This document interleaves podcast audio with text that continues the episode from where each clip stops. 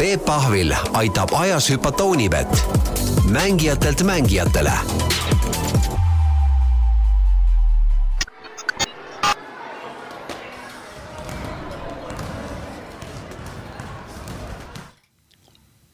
Tervist, eetris on Peep Pahvi ajahüpped ja seekord on eriti hea meel tervitada siin, õnnestus kiirel ajal mees äh, Tallinnasse tirida, vana hea kamraad ja võitluskaaslane Juhan Kärp, tervist. tere, Peep. no oli raske sind kätte saada, olid, olid golfi mängimas ja, ja, ja mis, mis, mis sul siin kõik muud, muud tähtsad toimetused, aga leidsid ikka aega? kuule, ma võtsin jah nüüd äh, kolm päeva lihtsalt vägisi ja ausalt öeldes mul oli telefon väljas ka. et ei, ei, ei vastanud kõnedele, et noh, muidu lihtsalt läheb lolliks peast selle kiire ajaga nagu no tore, äh, kas see võidu eufooria on üle läinud juba või? ei no eks ta muidugi, esimene selline noh, joovastus on ju ära läinud ja eks need esimesed peod on ära peetud ja vastuvõttudel ära käidud ja ja, ja noh, eks ta natukene võtab veel aega, et päris aru saada, millega me hakkama saime, aga, aga ei noh, selline ega me nüüd nii päris nii pilve peale ei astu kogu aeg edasi, et võtame rahulikult ikka. medali olete öökapi pealt sahtlisse ära pannud juba? ei, mul suur karikas on, seisab keset suurt tuba ja vaatan iga hommik veel üle, nii et ei, ei ole ära pannud veel nii, aga nagu siin saates kombeks, alustame nii-öelda otsast ja, ja, ja siis jõuame tänapäeva välja selle jutuga.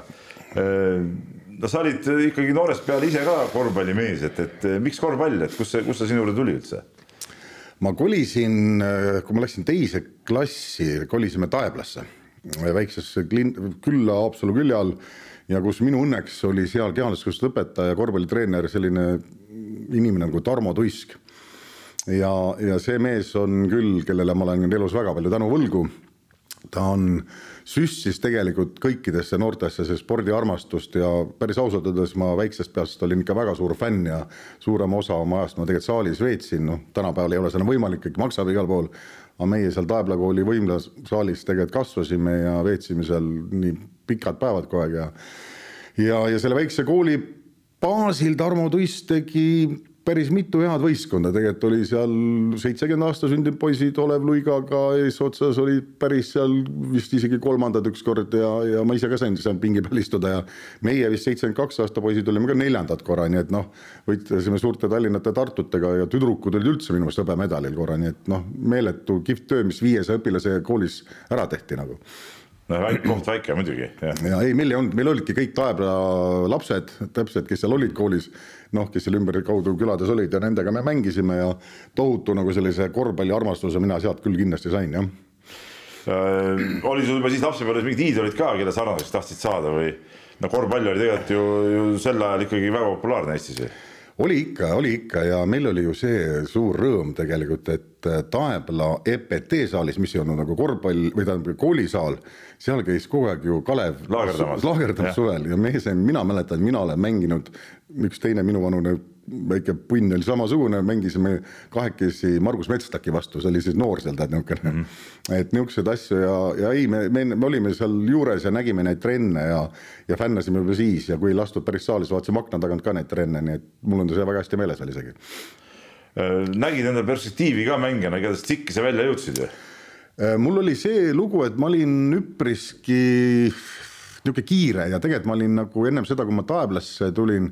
elasin ma Viinistul, noh, praktiliselt mere ääres ja me ainult ka seal kive loopisime ja mul oli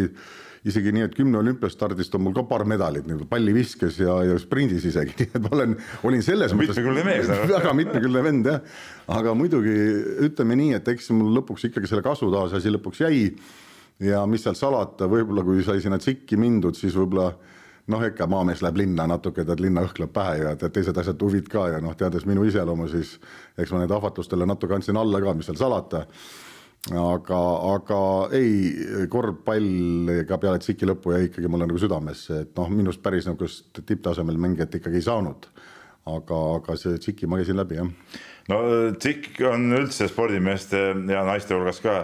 niisugune tormiline aeg tihtipeale ja, ja mul on siin saatekülalisi ka käinud, kes on meenutanud neid aegu ja neid pidusid ja, ja eks, eks, eks ole sinu kohta ka kuulnud nagu neid sellest ajast äh, lugusid, et, et äh, kui raske seal oli ennast üldse joone peal hoida, sa ütlesid ka, et natuke see Elumere lained kipuvad üle pea seal lööma, et, et et no, sihuke nagu möll käis nagu ühiks kogu aeg või? ei, muidugi käis, mis seal salata, ega siis ja ma olin ka reeglina selles pundis ikka eesrinnas, et ega ma ei olnud seal tagaplaanil kuidagi ja ja aga ei, no ma ei kahetse mitte midagi, ega me üle võlli ka ei läinud ja, ja, ja tegime need asjad ära, mida sellises peas võib-olla alati ei peaks tegema aga, aga selleks need ütleme nii-öelda markantsemad näited, need visati lihtsalt koolist välja, nagu ma umbes lõpetasin ikka ära ju, siis asi nii hull ei olnud. aga muidugi noh, oleks võib-olla võinud noh, takkajärgi mõeldes oleks võinud sellel ajal rohkem pühenduda spordile ja rohkem tegeleda võib-olla enese ütleme siis harimisega just nimelt korvpallis, kui mitte selle elumere lainetel, et võib-olla oleks ka kuskile jõudnud, aga, aga noh, mis tehtud, see tehtud ja ma ei kahetse midagi, ma olen väga, väga huvitava elukogemuse saanud tegelikult SIK-ist ikkagi minna kaheksandasse klassi kodust ära ühikasse elama ja, ja ma ei kahetse mitte midagi. kes need ütleme, koolikaaslased sul seal olid, et, et tegelikult, keda praegu ka nagu teatakse võib-olla? No minust veel paar aastat vanemad olid ju, olid Valdo Lips oli näiteks, eks ole, oli Anti Kalle oli, olid ühikas, elasid seitsekümmend aasta poisid ja, ja seit-, noh, seitsekümmend kolm minust nooremad olid Jaak Karp näiteks, eks ole, Indrek Ruut, Erkki Kivinuk oli siis ja noh, muidugi kuuskümmend üheksa poisid olid ka, Pehka ja Tair Tenno ja Indrek Rumma, noh, nad olid, elasid ühikal, ühikas niimoodi kaootiliselt, rohkem linnapoisid, aga aga, aga noh, see oli see meie ring, kellega me seal koos olime, jah no sa ütlesid, et ikkagi pärast tsikki võib-olla see, see korvpalli asi nii noh, ütleme karjäär edasi ei läinud, et ähm, et kadusid ära siis üldse korvpallist või ütleme, mingi aeg sa olid ikkagi muude, muude tegevuste peal üldse? ja ma läksin tegelikult peale peda lõpetamist, ma ei läinud õpetajana tööle, kuna aeg oli selline, kus pere tahtis toitmist oli vaja natukene nagu mõelda, kuidas ka raha teenida ja läksin nagu ärimaailmasse ja noh, täpsemalt öeldes kindlustusmaailmasse, kus ma olin tegelikult ju neliteist aastat. alustasin päris tavalise kindlustusmaaklerina, kuni lõpuks jah, jõudsin välja Ergo elukindlustuse müügidirektoriks ja ja oli väga huvitav aeg.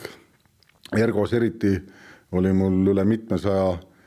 alluva, kõik nad olid naised ja nendega neid asju ajada ei olnud mitte lihtne. väga hea kool, mida ma kindlasti ei kahetse elus. ja no,. milline mees ei tahaks, et tal on üle mitmesaja naise alluva niimoodi nagu ei, see muidugi kõlab hästi, aga kui naistel on ju probleemid kogu aeg ja siis, ja siis, siis nende otsene ülemus sai siis nende käest kogu aeg võtta nagu, aga oi, see oli lahe, sellest võiks raamatu kirjutada, aga, aga ma sain tegelikult kogu selle aja, kui ma olin ärimaailmas, ma ikkagi sain nagu aru, et kuna minu isa ja minu perekond kõik on olnud pedagoogid ja, ja, ja äri, äriga pole minu perekonnas kellelgi pistmist olnud ja ma ikkagi nagu ei tundnud ennast päris nagu õiges kohas olevat ja mingi asi nagu tõmbas mind selle pedagoogi või selle õpetaja poole nagu tagasi. ja, ja lõpuks, kui ma selle sammu tegin, siis ma tänapäevani seda muidugi ei kahetse üldse no sa jõudsid ju, sa olid Uulu kooli direktor, eks ole, ma tean, jah? ja, ja, ja, ja Uulu koolis olin seitse aastat ja ja, ja ennem seda ma alustasin siis korvpalliklubi Paulusega, mida sina ka väga hästi tead, me oleme noorteklassis vastakuti palju mänginud ja turniiridel käinud. aga no eks nagu paljudel treeneritel, ma arvan, saab tõukeks ikkagi oma poeg, võib-olla ka sinul, eks ole no,. on ju no, nii? mis siis alati no,, me teame ju. jah, oma poeg on see, vaatasin, mul Markus läks esimesse klassi, no tahaks talle hakata trenni andma, siis tegelikult see klubi loodudki niimoodi mm.. ja, ja kaks tuhat kuus hakkasime peale, kaks tuhat seitse ja noh, kõik need noored Kaspar Lootused, kõik tulid ju meie gruppidest sealt, nii et sellega sai alustatud ja, ja nendega ka lõpuni mindud. No äh, minu esimene mälestus sinust ongi see, ma ei, ma ei mäleta, mis see aasta võis olla, no poisid olid veel päris, päris väikesed, äh, mängisime Kalle Kollini juures Märjamaal mingit turniiri ja, ja, ja, ja siis sa olid ka seal oma poistega ja, ja siis sa rääkisid, kus ma mõtlesin, et see on ka sihuke äge pedagoog, et rääkisid, saite poistele trennis mingit asja, et mingid panid saalis tuled kustu ja siis mängisite mingit mängu ja pärast laps ütles, oi, see on nii tore, et paneme veel tuled kustu ja siis ma ütlesin, vot, vot kus sihuke ehe pedagoog, et suudab leida mingeid huvitavaid, huvitavaid asju, see on mingi esimene sihuke, sihuke tõsine mälestus sinust, mis aasta võis olla, kaks tuhat kümme äkki või, või mingi sihuke, ütleme, sihukeses vanuses olid, et, et sellest ajast peale muidugi me oleme sinuga ju palju palju koos käinud ja olnud ja, ja tuuritanud ka Leedus ja, ja Venemaal ja küll need olid ikka toredad käigud, eks ole. väga toredad, väga toredad jah, aga see pedagoogi asi, ma noh, need inimesed, kes mind ka veel lähemalt tunnevad, eks nad on öelnud mulle ka, et sinus on sellist pedagoogi verd tegelikult olemas ja ju see kuskil geenidega kaasa on kantud ja ma tegelikult sõna otseses mõttes nautisin seda tööd, seda treeneri tööd ja täna ma isegi natuke igatsen seda, noh, et tahaks nagu uuesti võtaks ühe grupi, ma olen isegi mõelnud, et kuidas see küll oleks võimalik, noh, tänasel hetkel muidugi ta ei ole võimalik sellise kiire elu juures, aga aga see on lahe ja, ja kui sa näed neid väikseid junne seal kasvamas ja vaidlemas ja nende naljasid, mida nad on seal teinud, et see, see on üli-ülilahe ja väikses, noh, sa tead, teeb seda vanad kaluralli, nüüd see Pauluse ralli, et seal kui mina alustasin, me ei pidanud reklaami ka tegema, mul oli viiskümmend poissi olid saalis järsku tänapäeval tead käia koole ja palu ja tulge, et elu on palju raskemaks läinud selle koha pealt, et konkurente on palju ja, aga aga no küll nad tulevad, loodame, et tulevad. aga klubi loomine, et, et kui sa nagu mõtlesid, et noh, teeks nüüd selle klubi, kui raske see tol ajal oli ja, ja mingite toetajate leidmine ja üldse kogu see asja käivitamine? ma olen väga õnnelik äh, mees, sellepärast et meil oli olemas Pauluse veteranide klubi juba ennem, need kes, mehed käisid koos jalgpalli mängimas, reede õhtus sauna tegemas, eks ole ja sealt mul üks hea sõber Riivo Ensalu, kes on siiani Pauluse klubiga juhatuse liige, Flex oli omanik ja toetaja meil siiamaani. tema ütles, et davai, teeme, tee see noorte asi ära, küll me siin oma pundist ikka mingid rahad leiame, saate võistlustel käia alguses. ja mul on siiamaani tänase Pärnu sadama meeskonna toetajate seas on no vähemalt kolm meest kes on sellest ajast peale, kes hakkasid meil lapsi toetama, kes ostsid lastele tead vormid, andsid kütuseraha, need on siiamaani jäänud ja noh, see sõprusringkond, me käime siiamaani läbi, nii et et mul vedas, et mul oli hea nagu seda sellel hetkel nagu alustada, et mul ei olnud väga raske, päris ausalt, et ja mul sattusid, sa tead ka minu lapsevanemaid väga hästi, kes minuga käisid võistlustel kogu aeg kaasas, oma autoga sõitsid, väga lahe punt ja nad olid alati olemas ja ei küsinud nad kunagi mingit raha kütuse jaoks, et tulid appi ja, ja oma, oma laste nimel olid valmis tegema ja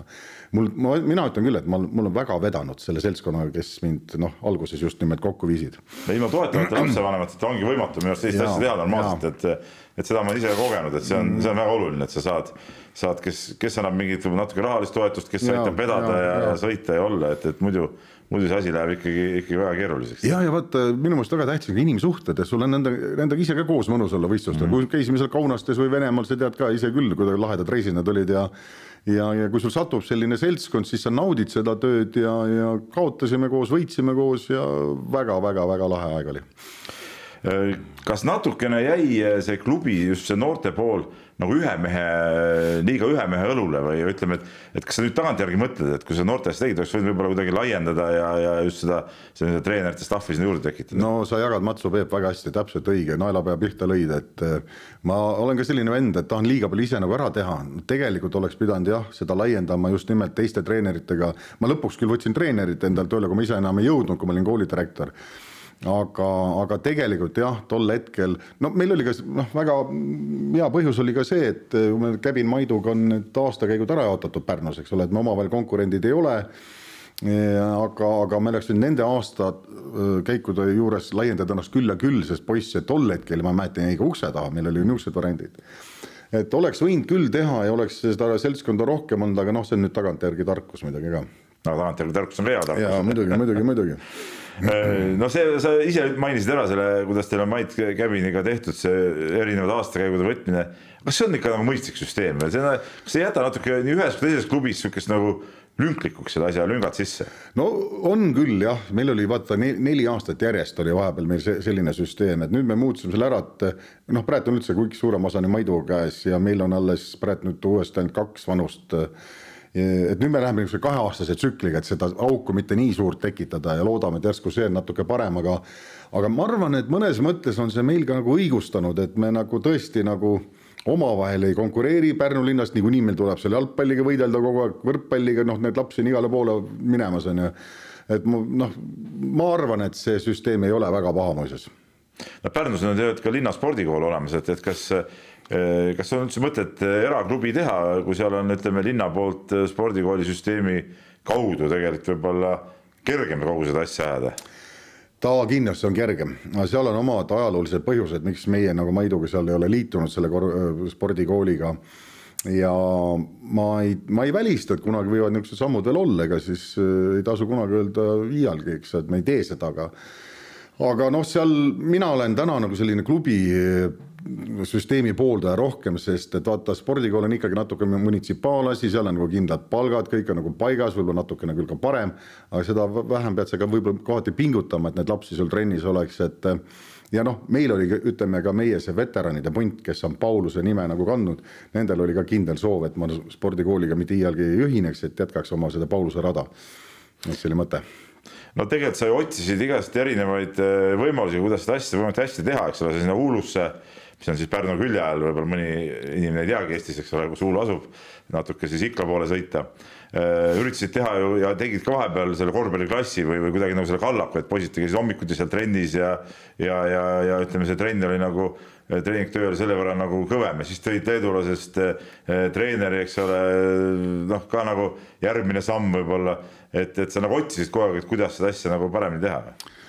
see projekt on, ma pean seda ka oma elus üheks noh, õnnestunumaks projektiks, mis ma üldse olen ära teinud. Ja millest, millest sai tõuke, tõuke sai see sellest, et äh, mingi hetk oli nii, kus niisugused väikesed koolid hakkasid nagu, nagu hääbuma, mis olid eriti linna lähedal ja õpilaste arv nagu vähenes ja vähenes ja ja, ja midagi teha ei ole, noh, tõmbekeskused tõmbasid lapsed ka ära. ma mõtlesin, et kuidas sellest olukorrast nagu uulus välja tulla ja mul oli, ma alustasin, vist oli kakskümmend viis poissi, keda ma sinna korraga tõin. Ja kujutad ette, kui keeruline oli lapsevanematele seletada, et näiteks tule sealt kas Sütevakast või Koidulast või sellest tippkoolist, tule kuskile maakooli, too oma poiss nüüd ära. aga mul vedas ka selles osas, et meil oli väga hea õppetase selles põhikoolis, hästi kõvad õpetajad, meil väga palju olümpiaadivõitjad ja ma sain need lapsevanemad nagu rahustada, et te ei kaota kuskil oma nagu selles õppe osas mitte mingil juhul ja lõpuks, kui need poisid sinna tulid, siis meil oli terve kool kihas kujutad ette, sul tulevad kakskümmend viis pikka ilusat poissi, kui spordipoissi tulevad, tüdrukud ei saanud üldse magada enam õhtuti kodus onju. Ja, ja möll läks lahti ja see koolielu läks käima ja mis oli kõige kihvtim, et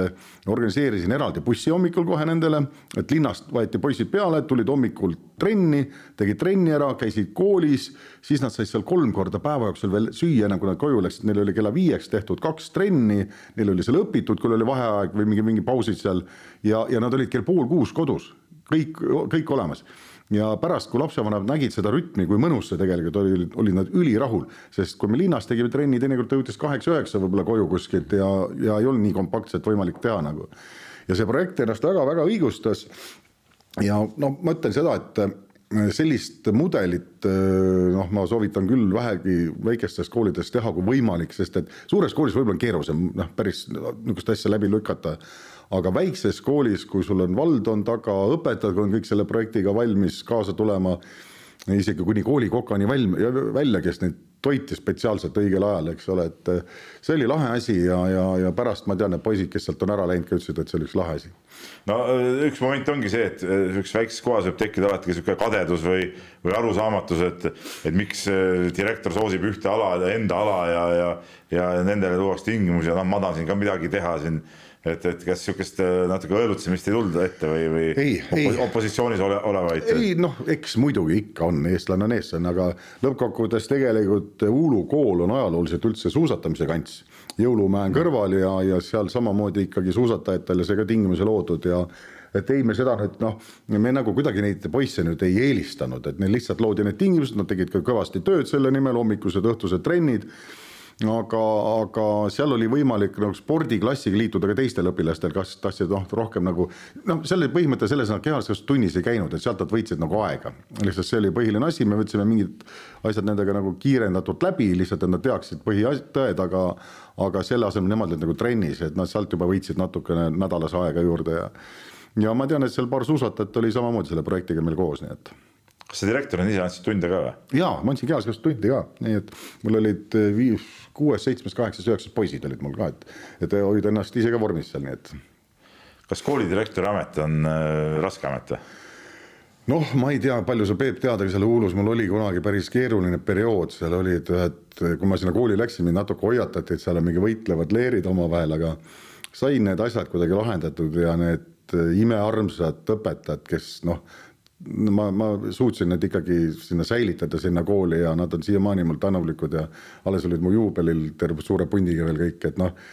et äh, vaat mõnes väikses kohas võib-olla kohalikud poliitikud tahavad liiga palju nagu tähtsad olla ja siis hakatakse kooli tooma seal mingiteks intriigide kohaks, aga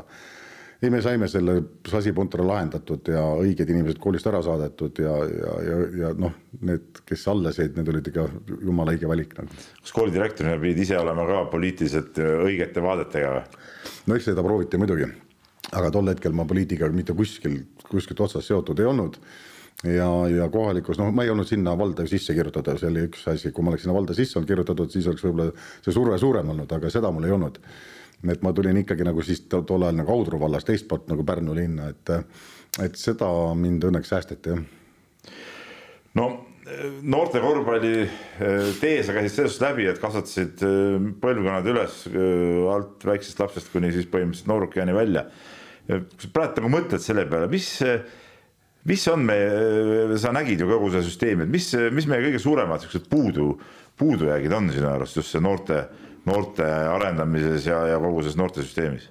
et sa mõtled tänasel hetkel nagu? no, no see nüüd tegelikult sellest ei ole nii palju aega möödas, et ega see süsteem on kõik sama. Äh,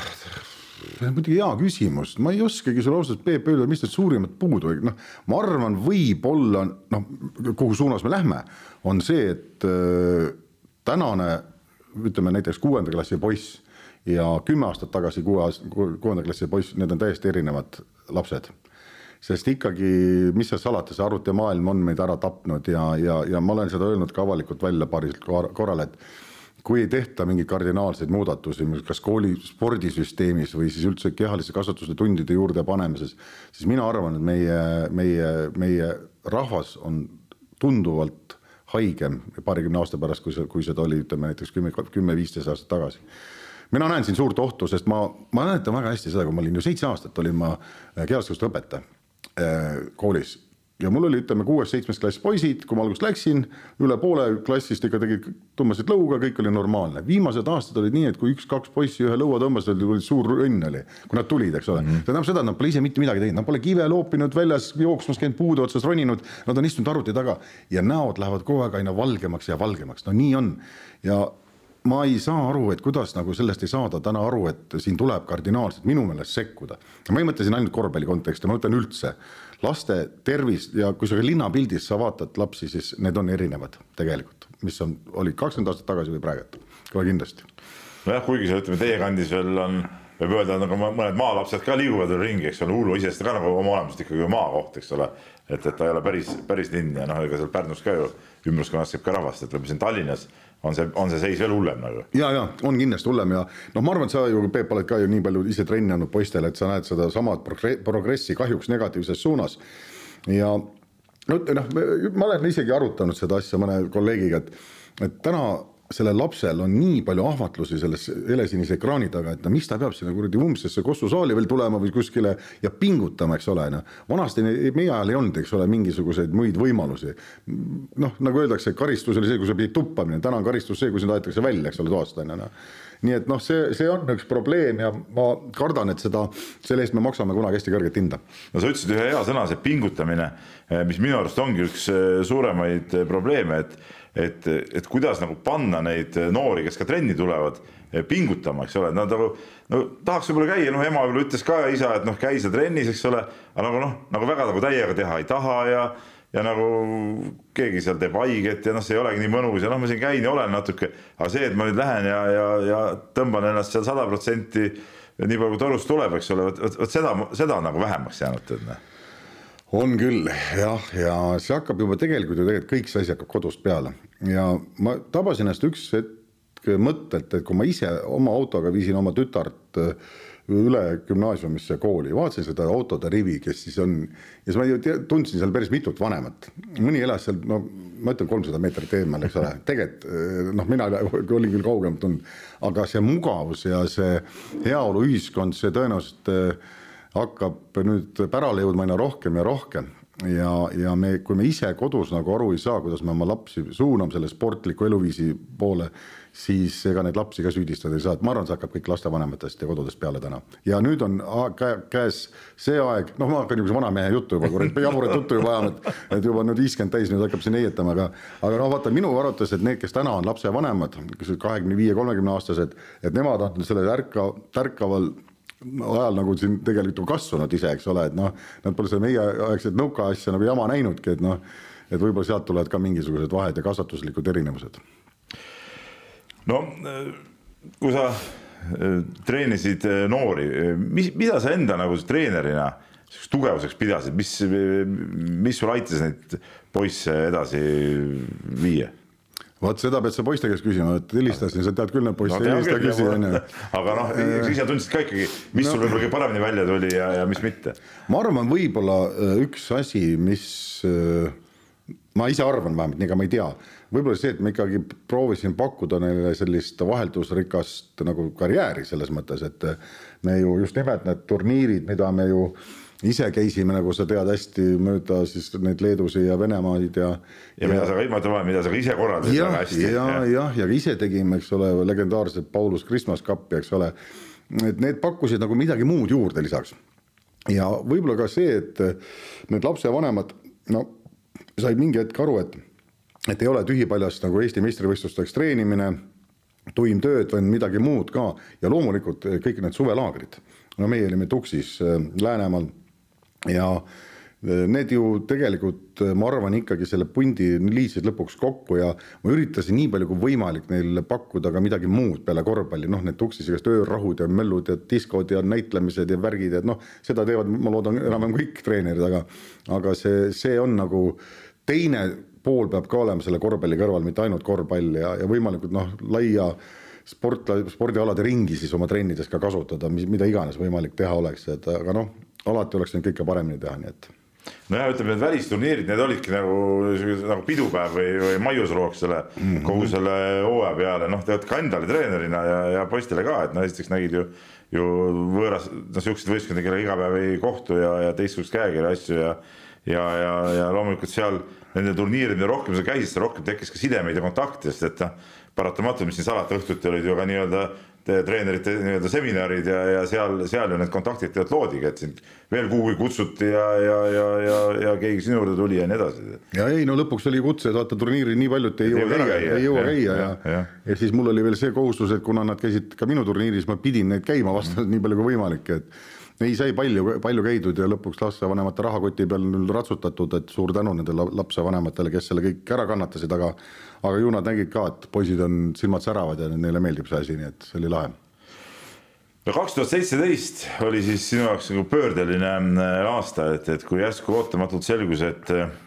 et Pärnu meistriliiga võistkond, keda siis äh, Mait Käbin vedas, on sellises seisus, et äh, hakkab pilli kotti panema ja ja tehti sulle ettepanek see asi äh, üle võtta seal, et äh, kui, kui raske otsus see oli nüüd, kui sa tagasi vaatad? tegelikult oli väga raske otsus, võib-olla isegi seda, ma olen sellest võib-olla isegi natuke vähe rääkinud, et ma olen rääkinud mingi nelikümmend kaheksa tundi umbes, aga noh, ega otseselt, kui mul ei pandud ka mingit nüüd deadline'it, noh, sa pead ütlema, aga aga ma võtsin ennast nagu kokku, ma katkestasin oma puhkuse, ma olin tegelikult täitsa südasuvel täitsa, täitsa puhkasin koolidirektorina ja, ja see ei olnud ainult see otsus, et võtta nüüd korvpall vastu, et kuidas nagu kõik muu elu ära korraldada, et noh, koolid, koolist ruttu ära tulla ja, ja nii edasi, et see nõudis nagu kiireid samme ja eks ma siis, eks ma tegelikult need kaks päeva käisin praktiliselt kõik need tähtsamad inimesed läbi, kellega mul oli vaja seda arutada, kõigepealt ma alustasin muidugi oma perekonnast, mis nemad sellest asjast arvavad, sest ega teadmatust oli palju, mis see klubi juhi amet nagu tähendab, igalt poolt ju kuuled, et kui raske see on ja ja, ja millised stressirohked päevad sellega kaasnevad, eks ole.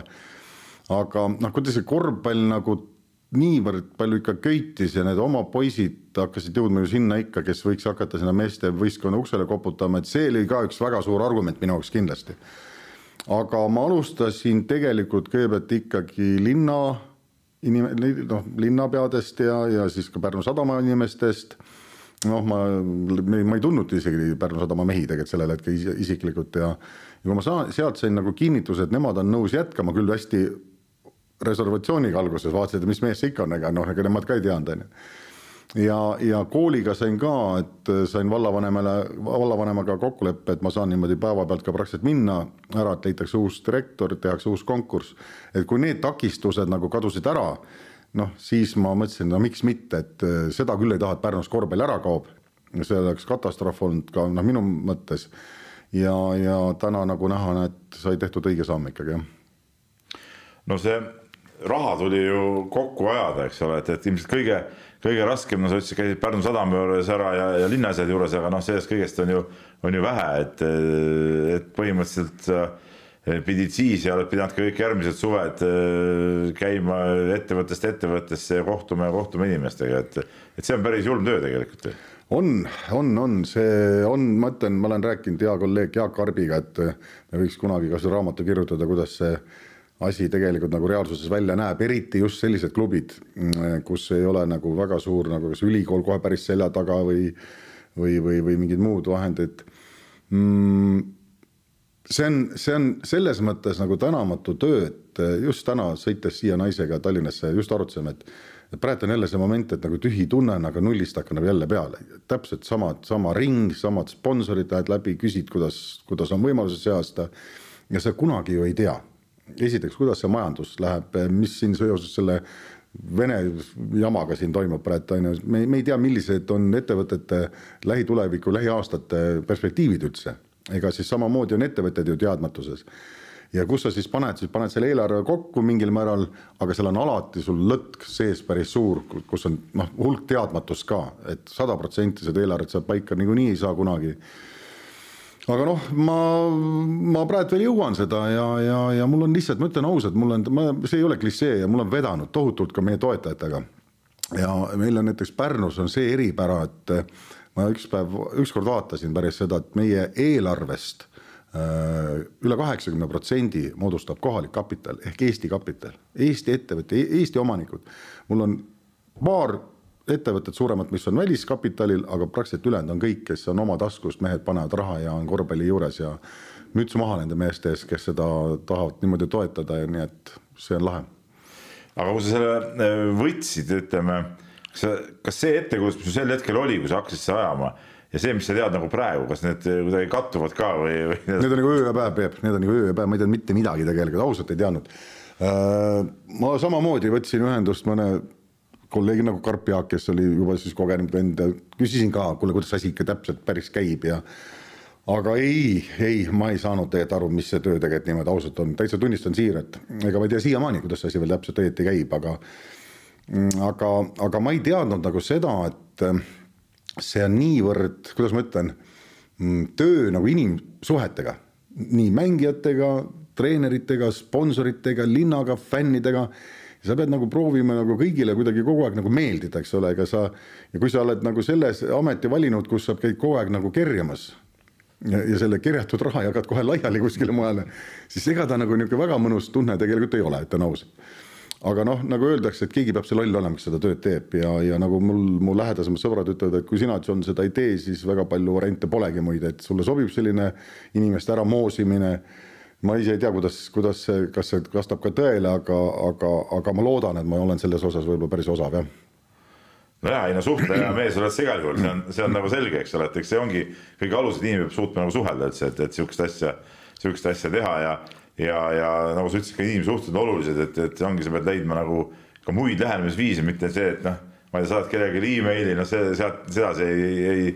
ei juhtu suurt midagi, et sa pead ikka kuidagi leidma tee, et sind vastu keegi võtaks, sa saaksid kabineti ukse vahet sisse ja võib-olla siis ka kuskil vabamas vormis nagu, no ma tean, et sul on seal omad nipid, eks ole, kuidas ja, ja kus sa neid asju teed. et, et see on nagu see asja tuum tegelikult ju ma ütlen ausalt, ma ei ole viie aasta jooksul mitte ühtegi meili kirjutanud mitte ühtegi ettevõttesse, palun toetage mind. mitte ühtegi, ma ei tee seda põhimõtteliselt, sest mul on sellega üks kogemus, kui ma ise töötasin Ergo kindlustuses, siis juhatuse liikmed Äh, saatsid need sponsori abipalujad minu juurde, et noh, vahel niisugune lüli, direktor seal las siis ütleb neile ei seal on ju, neil oli jube hea taktika. Ja ma mäletan isegi, mul tuleb meelde, et kunagi käisid seal minu meelest Tiit Sokk ja käisid ka ühele klubile raha küsimas ja ma pidin ka seal olema see ei ütleja nagu, et ja, ja need kirjad, mis mulle nagu edasi suunati, ma mäletan, kuidas nendega nagu käituti, et põhimõtteliselt ei vastatudki, et noh, see, see, see ei toimi nagu ja noh, Pärnu on selline koht küll, et noh, praktiliselt ju suurem osa inimesed üksteist ka peaaegu tunnevad, eks ole, ei ole ju üldse suur linn. Ja ma pigem olen kasutanud võib-olla siis mingit sellist mudelit, et kui ma tõesti inimest üldse ei tunne, et keegi vähemalt soovitab, et saame kokku ja ja mulle, ütlen ausalt, isegi need sponsorpaketid, nagu me noh, nimetame neid, kuidas me paneme, toeta palju noh, maksab näiteks mingisuguse X summa raha selle eest, ta saab vastavalt need asjad. ma isegi neid enam tegelikult ei kasuta, alguses proovisin seal kuidagi need hoida järje peal aga lõpuks on ikkagi nii, et sa lepid selle mehega, selle ettevõtte juhiga konkreetselt kokku, et need on need asjad, millised on meie ootused ja mida sa vastu tahad saada. ja paned need noh, küll lõpuks paberi peale mm, -hmm. aga ma ei lähene, ei lähene kirja teel küll kunagi ja ei koputa niimoodi ukse peale, see, see ei ole toiminud minu puhul küll. no ja, ja, ja kui tekib juba üks kontakt, ütleme edasi on nagu see lihtsam juba ajada, eks ole, et, et kui kui oled korra nagu kellegi nii-öelda konksu otsa saanud, see kõlab natuke halvasti võib-olla, aga, aga nii on. ja, ja mul on, tead, ma ütlen ausalt, mul on omad ja väga head sõbrad ka mõned, kes toetavad. Ma olen öelnud oma sõpradele ka kuskil õhtul laua taga, et teate, ma, mul esimene eesmärk, et saaks teid sponsorite ringist välja, et ma oma sõbra käest on jube paha kogu aeg seda raha nagu nuiata ja küsida ja aga, aga samas vastupidi ka, noh, need sõbrad teavad, äh, kui palju ma vaeva nagu näen selle klubi nagu ülalpidamise nimel ja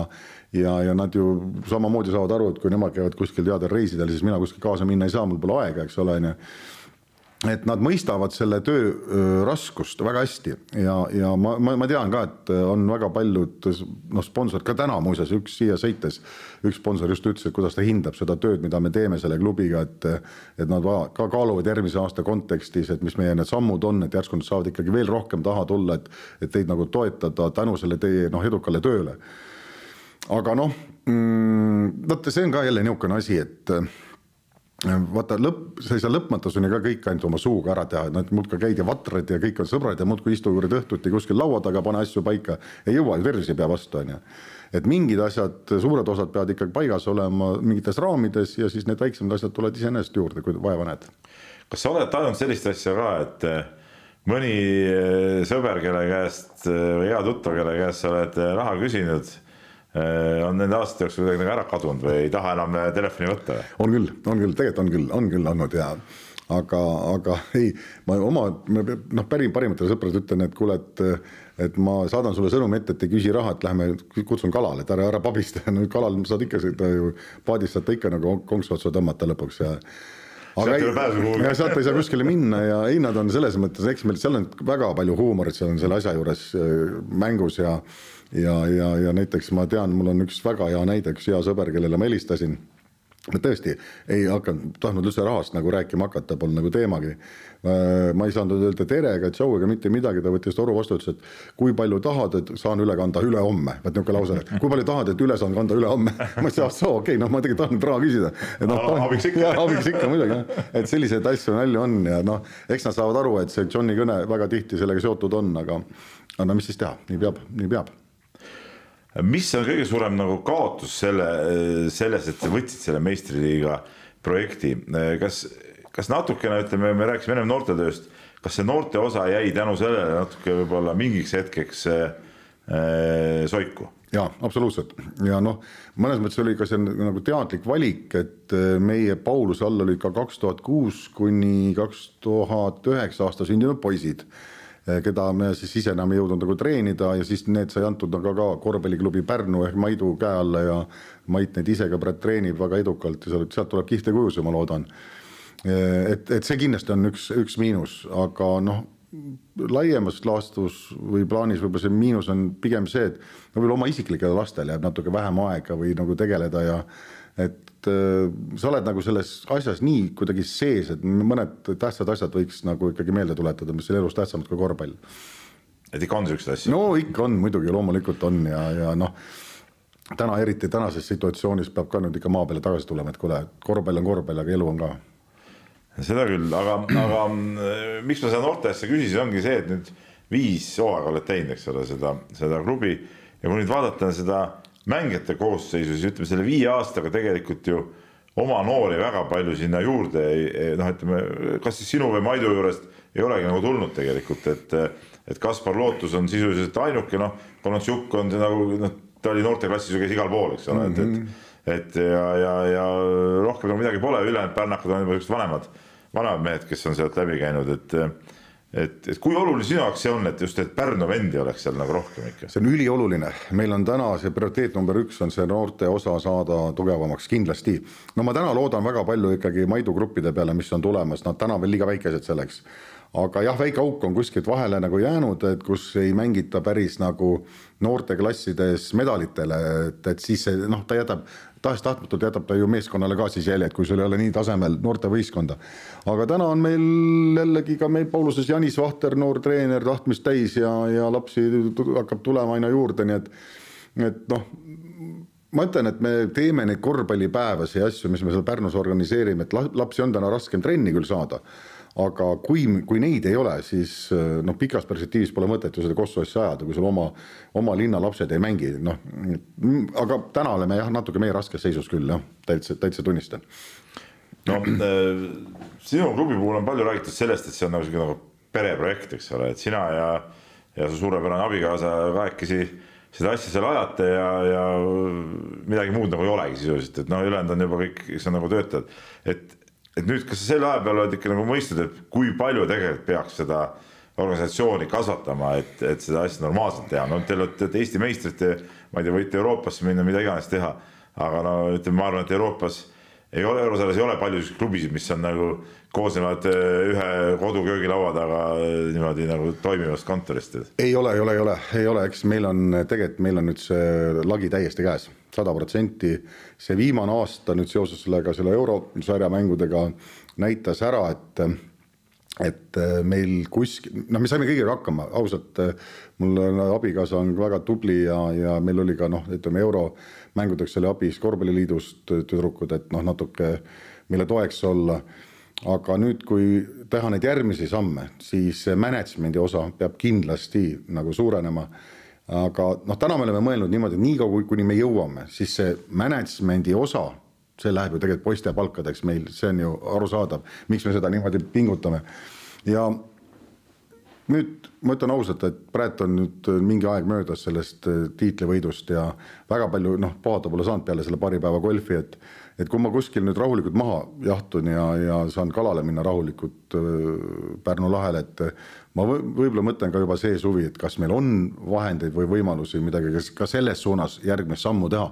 sest oleme ausad, kui me täna hakkame rääkima mingitest muudest äh, sarjadest või mingi eesmärkidest, siis mingi, mingil, mingil määral saab pärssivaks just, just nimelt võib-olla ka see management'i õhukene seltskond, on ju. noh, ma ei taha nüüd nimetada oma naist õhukeseks seltskonnaks koos minuga, aga, aga no oleme ausad, noh, tegelikult sa lihtsalt ei jõua. ausalt, ega kui sul on juriidilised probleemid, kõik muud raamatupidamised, asjad, mis ma pean kõik läbi mõtlema, noh, ma ise teen ka ülekandeid, asju tegelikult, et noh no sa tuled, Peep, võib-olla sellesse süsteemi, siis sa küll sa varsti aru saad, kuhu sa oma pea panetad. aga räägin ausalt, kuidas sa abikaasa üldse nõusse said, et, et ta oli ju ka kooliõpetaja ja, ja, ja, ja, ja nüüd teeb sinuga seda, seda korvpalli asja, et noh, tal ei olnud ju varem korvpalliga mitte mingit eh, seost, et, et mis, mis, mis nipid sul on siis siukse, siukse ärarääkimise peale? No naine oli mul tippõpetaja, ta tegelikult, tema lapsed võitsid pidevalt olümpiaade, väikse kooli õpilased, no ta on tõesti hea õpetaja ja, ja, ja hästi-hästi-hästi tasemel ja ja ma ei tea, millega ma ta ära võlusin. võib-olla ta kahetseb seda, ega ma ei tea, seda peab tema käest küsima, aga no ausalt. arvestades, et te alles eelmine aasta abiellusite, siis ma ei usu, et ta kahetseb, eks ole. no jaa, aga ta on, ta on, ta on nüüd oluliselt targem inimene korvpallis kui mina juba, see on no, selge, noh, selles mõttes ta õpib palju, noh, ta on palju teravam pliiats kui mina kindlasti ja ja noh, ta on täna asendamatu inimene tegelikult meil klubis, sest eh, noh, poistel ikkagi ema eest ja, ja, ja eriti veel välismaalastega, kuna ta ise inglis, inglise keele õpetas, siis see suhtlus on kõik nagu tema peal kogu aeg ja ja, ja, ja noh, noh, ma täna ei kujutaks nagu ette, et kui mul ei oleks naist kõrval seda asja tööd tegemas, siis äh, väga raske oleks. see on probleem, ega see ei ole lihtne, see töö on meil kogu aeg kodus kaasas ja esimesed piksevardad oleme siin omavahel, kui siis midagi on halvasti, eks ole, et aga oleme siiamaani jagu saanud ja loodame, ehk saame edaspidi ka no ma mõtlengi seda, et, et kui jah, see töö ja, ja kodu, kodune elu, et kui see on kogu aeg üks ja sama, et, et siis väga raske on sellest rattast välja tulla. on küll jah, ja ma täitsa mõistan ka oma naist, et et äh, ta tahaks ka rohkem midagi hingele, ta nagu ütleb, eks ole, et ma ei taha siin meestega jälle bussis teha poistele suppi ja sööki valmis seal ja kogu aeg selles korvpallis sees olla, aga samas on ta nii suureks fänniks läinud, et ta näiteks kui põnevamad mängud on, siis viimased minutid tema kaob saalist ära, tema ei saa vaadata, et ta närvipinge läheb liiga üles ja, ja ja, ja noh, ega ma tean ka täpselt, puhkame selle suve ära, siis ta küll siin hakkab juba jälle igatsema korvpallipoiste järgi ka no kui me räägime viimastest minutitest ja närvilisusest, siis noh sa oled ise ka emotsionaalne mees. selles suhtes me oleme natuke, sarnased sinuga muidugi, et kuidas sa ise üldse vastu pead neid, neid hetki seal pingi peal, et see on päris raju tegelikult tead, ma sain oma arsti käest nii kõvasti sõimata, et ma pole üldse oma korralikku elu teinud, nagu ma lubasin. võttis mind ette, jumala asjalikult sõimas mind kohe läbi mees, et kui sa nüüd ei võta ennast käsile, siis ära tule enam mu juurde. et äh, aga samas mina mõtlen niipidi, et äh, kui ma seal välja ennast elan, võib-olla see on lihtsam äh,. noh, ma kujutan ette näiteks kuskil ma peaksin äh, olema teleka ees vaatama oma meeskonna mängu, ma arvan, mul oleks hull, ma olen, ma oleks, läks hulluks, ma ei suudaks nagu olla, et ma pigem olen seal selle asja sees, ma olen nende poiste keskel ja, ja olen jah, näost punane ja mis iganes Atamäe või kedagi, kes mind seal tüütakse juba, aga aga, aga las ta olla niimoodi ja, ja mul on noh, näiteks legendaarne äh, treener Jaak Salumees väga tihti helistab meile, tal, talle meeldib rääkida asjadest ja, ja väga asjalikku nõu annab ja siis tema soovitus on alati, et kuule, et mine, mine sealt pingi pealt ära, mine tribüüni peale, pane sigar suhu ja naudi, tead, onju, ma ütlesin, no kurat, Jaak, mina sedasi ei saa. vähemalt senikaua, kuni mul tervist on, siis ma panen ikka seal pingi peal edasi. Ja kuidagi nagu ma ei tea, ma ei ma ei, esiteks, esiteks ma ei ole nii suur mingi omanik või noh, ma ei ole mingi rahajõmm, kes, eks ole, paneb oma isiklikku raha nii meeletult sinna korvpalliklubisse, ma olen ikkagi nagu ikkagi üks niisugune noh, nii-öelda nagu ma ütlen, pallipoiss, bussijuht, mänedžer, klubijuht, kõik asjad korraga kokku ja olengi selle asja sees ja võib-olla niimoodi isegi noh, kohati nagu lihtsam ajada. sa oled meeskonna osa. ja ma olen nagu olemas seal nende juures ja ja, ja kui sa kuskilt eemalt vaatad, võib-olla siis jääd võõraks selle asjaga või ma ei tea. Ma.... no nii-öelda mänedžerid istuvad kõigil ju pingil tegelikult ju, Karp istub pingi peal. ja, ja, ja, ja, ja seal see kass Kalevis istub sinna pingi taga mõnikord, ikka ollakse nagu ja, ja. juures, no mis, kus sa seal tribüüni peal ei, see on nagu õige ja, ja noh, no, no, no just selle koha pealt öeldakse klubi juht nagu oled, eks ole, et noh, klubi juht võiks eemalt vaadata asja, aga no mis mõttes, noh, kui ma olen ka mänedžer tegelikult ametlikult olen, siis, siis olen ja olengi seal ja ajame asju ja ongi kõik aga see sa ütlesid õigesti, et see bussijuht ka, et sa tegid ju bussiload ka ära, et ja ostsid vahepeal sellise suure Ikarus bussi, millega vedada, selle sa lõpuks müüsid ära, nüüd sul on mingi teine buss, eks ole, aga aga, aga palju sa ise veel bussirooli satud siis? tead, meil on sellega ka oma lugu, tead, siin on omad usu, usuvärgid ka natukene, et kui me olime bussijuhis, me vahepeal võitsime, et siis, kui mina jälle olin roolis, siis ma mäletan, et Kalevi spordihallis, kui me käisime ja olin mina roolis, siis me alati võitsime ma olin alati jube vihane, saad jube magusa võidu Graamo vastu, lähed bussirooli, mitte ei saa rahulikult külma õlut teha, kurat, ma olin nii vihane. aga meil on niisugune lahedad bussijuhid, kes meid käivad aeg-ajalt ikkagi aitamas ka ja kui pikemad otsad on, kui lähme kuskil Lätti mängima, siis ma olen ikka võtnud bussijuhi, et et päris, päris kaua aega ma ei ole roolis ka, aga aga ei noh, mis niisugused väiksed otsad teen rõõmuga ära ja see on jällegi jälle väike kokkuhoid klubile, kui ma ise roolis olen noh sõit on mõnus ka ju tegelikult, suure, suure, mina ise tunnen küll, et suure aparaadiga on päris äge sõita. ei, mis muidugi on, on, on lahe, et ega ja no mis need väiksed Rapla ja Tallinna otsad pole teha, mingi pole mingi probleem. mis sa arvad, kui palju on klubijuhte, ma ei tea, Euroopaski, kes ise, ise bussirooli istuvad ja sõidavad kohale? ma usun, et võib-olla kuskil ikka mõni hull on, aga, aga see Ikarussi lugu oli lihtsalt lahe, sellepärast ma tegingi need lood ära, alguses mul oli mõte, et ta on nagu reklaambuss meile, järsku lähme võistlustele ka aga kui me saime aru, kuidas see iga russ iga, igalt poolt logistas ja lagis, ma mõtlesin, et no Raplasse veel võib-olla käiks kuidagi suvisel ajal ära või kuidagi nii, aga talvel no juhtub midagi, kus sa lähed selle meeskonnaga ja siis meil on väga lahe üks bussifirma Pärnus, üks mees ütles, kuule, et anna see mulle, et ma annan sulle sõitva bussi asemel, et ma teen selle Igarussiga ise hoopis siin oma, oma mingi äri ja ja siis me vahetasime ära ja siis saigi see niimoodi ära kleebitud klubi värvidesse ja seest mul naabrimees Ivo tegi seest väga lahedaks, pani kõik tead tele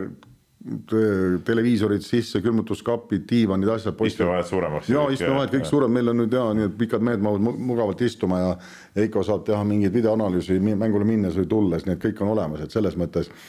et äh, sisu poolest ikkagi väga-väga tasemel, ma arvan praegu ja, ja me väga naudime, et meil on oma buss olemas, tegelikult see on mõnus. no kui me rääkisime, et see, see klubi on õhuke äh, sina ja, ja abikaasa põhist, et äh, kuidas need otsused siis langevad, et kes, kes siis lõpuks peale jääb, sina või, või Marika? ei, noh, need otsused, mis me nüüd kahekesi teeme, seal ma ikkagi arvan, et mul veel natukene veel on veel võimu veel nii palju kui jäänud on, aga aga, aga ei, mis sa sanad, päris ausalt, ilma naljata ütlen, et äh, naine on mul ju samamoodi saanud aru, et ta elab ju pool lollakaga koos ja liiga aktiivse inimesega, et ta peab mind, noh, ta tõmbab mind tagasi ja väga tarkades kohtades. aga niisugused äh, suured otsused tegelikult, mis me nagu nii-öelda klubisiseselt teeme, me üldiselt räägime ikkagi läbi treeneritega.